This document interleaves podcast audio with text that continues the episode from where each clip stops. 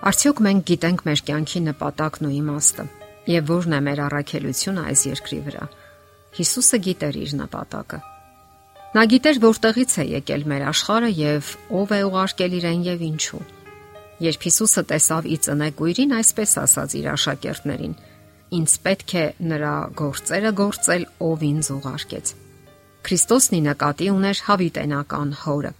եւ սկսելով իր առաքելությունը Քրիստոսն այդ գործի մեջ ներգրավեց նաև իր աշակերտներին։ Նա հիանալի գիտեր, որ եթե եկեղեցին կորցնի իր նպատակը, կդառնա պարզապես եկեղեցական կազմակերպություն, որի միակ նպատակը իր կառուցվածքն ընդարձակելն է։ Հիսուսը նաև շատ լավ գիտեր մարդուն եւ հասկանում էր, որ եթե կյանքը կորցնում է իր նպատակը, մարդը մոլորվում է եսասիրության ու անգործության ստվերում։ Հիսուսը գիտի այդ ամենը որովհետև Աստված է եւ մշտապես աշխատանքի ու ծառայության մեջ է։ Ամենաառաջին սուրբ գործը, որ նկարագրվում է Աստվածաշնչում, արարչագործությունն է։ Աստված մարդուն նույնպես ստեղծել է ծառայության համար։ Մեր նախածնողների Ադամի ու Եվայի համար աշխատանքը դրախտում այնքան էլ ծանր չէր, ինչպես այսօր։ Այն, որ մարդը աշխատանքի պատճառով ձանձրանում է, հոգնում, սթրեսի մեջ է հայտնվում, մեղքի հետևանք է։ Երբեք Աստծո կամքը չի եղել, որ մարդն անգործ մնա։ Երջանկությունը երբեք էլ անգործության կամ ծուլության հոմանիշը չի եղել։ Ուրախություն ու հաճույք մարդուն ապարգևում է երանդուն, հաճելի եւ օգտակար գործունեությունը։ Նշանավոր դերասան Քրիստոֆեր Ռևեսը մրցման ժամանակ վայր ընկավ ձիուց եւ լուրջ վնասվածքներ ստացավ։ Մի քանի օր նա գտնվում էր կյանքի ու մահվան սահմանագծին Իսկ մի քանի շաբաթ անց ամբողջ աշխարհը զարմացավ լսելով նրա հայտարարությունը, որ նա արտաբերեց օգտվելով շնչառության եւ տեղաշարժվելու սարքից։ Ես դեռ պետք է քայլեմ, ես աշխատում եմ դրա վրա։ Այժմ վարժություններ եմ կատարում օրական 10 ժամ, որpիսի կարողանամ շնչել սովորել առանց ապարատի։ Ապա կսկսեմ աշխատել քայլելու ուղղությամբ։ Նա երկու ճանապարհ ուներ կամ պետք է իրեն դատապարտված զգար ճակատագրի զոհ եւ սկսեր հայհոյել Աստծուն, բարփակվելով իր մեջ, կամ պետք է պայքարեր հանգամանքների դեմ, հասկանալով, որ կյանքն իմաստ ունի, որ ջանքերն արժեն նպատակին։ Այսօր շատ մարդիկ ապրում են հենց այնպես, առանց որևէ նպատակի։ Նրանք պարզապես գոյություն են քարշ տալիս։ Այնինչ նրանք պետք է մի պահ կանգ առնեն եւ մտածեն, ո՞րն է իրենց կյանքի նպատակն ու առաքելությունը։ Կատարում են արդյոք դա։ Չէ որ աշխարհի արարչագործության գագաթը մարդն է։ Նա պետք է գործի ու կատարի Աստծո կամքը, որը նախատեսված է հենց իր համար։ Սակայն Աստծո ճշնամին Սատանան փչացրեց արարչագործության հրաշալի պատկերները։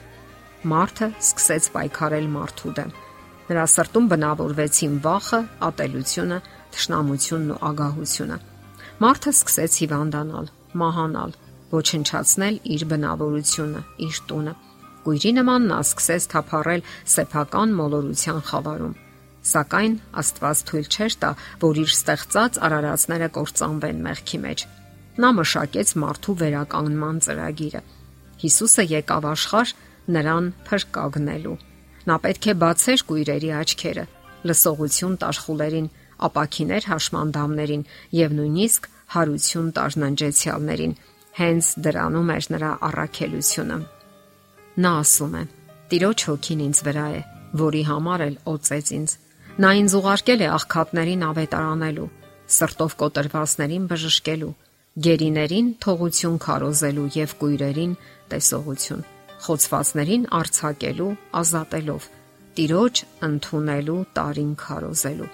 Շատ մարդիկ այսօր վկայում են, որ Աստված իրենց կյանքում հրաշք է գործել, վերափոխել է իրենց կյանքը անհուսությունից հույսով լի կյանք է ապարգևել, իմաստ է հաղորդել գոյությանը։ Եվ կարևոր չէ թե ով ենք մենք եւ որտեղ ենք գտնվում։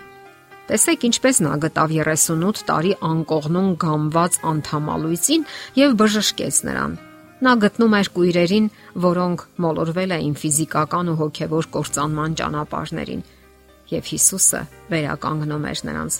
Իսկ ամենակարևորն այն էր, որ նա փոխում էր այդ մարդկանց կյանքի ուղին։ Ի ուրախություն մարդկության այսօր էլ նա արձագանքում է իրեն որոնողներին եւ չի կանգնում կես ճանապարհին։ Ինքն է գնում դեպի մարդը։ Նրա նպատակը հստակ է ու པարս։ Իսկ գիտեք ինչու, որովհետև սիրում է մեզ եւ գիտի իրեն ուղարկողին։ Իսկ մենք երբեք չենք կարող կատարել մեր ծառայությունը, եթե չենք ճանաչում մեզ ուղարկողին։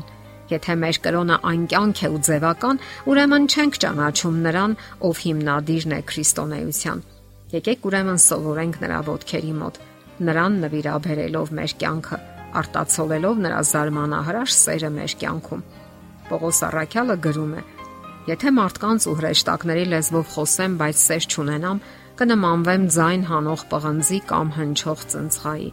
Մենք գիտենք, որ քրիստոնեական կյանքը լի է խոչընդոտներով ու խնդիրներով, եւ Հիսուսին հետևելը անznազողություն է պահանջում։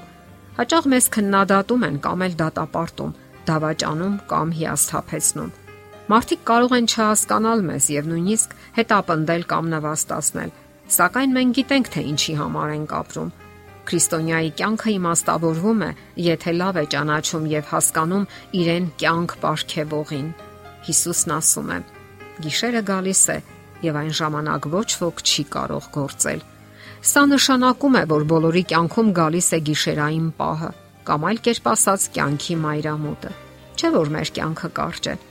Եկեք երբեք չմոռանանք այդ մասին, որովհետև շատերը չափազանց ուշ են հիշում այդ մասին կամ էլ ընդհանրապես չեն հիշում Ահա թե ինչու հիմա է ժամանակը ականջալուր լինելու մեր հոգու կանչին եւ հասկանալու մեր կյանքի նպատակն ու իմաստը։ Եվ այդ դեպքում մենք կապրենք իմաստավորված կյանք։ Կա արդյոք ավելի վեհ ու սուրբ առաքելություն մարդու համար, քան իր արարչին ճանաչելը ու նրա հետ հարաբերություններ կառուցելը։ Եթերում ղողանջ հավերժության հաղորդաշարներ։ Ձեզ հետ է Գեղեցիկ Մարտիրոսյանը։ Հարցերի եւ առաջարկությունների համար զանգահարել 033 87 87 87 հեռախոսահամարով։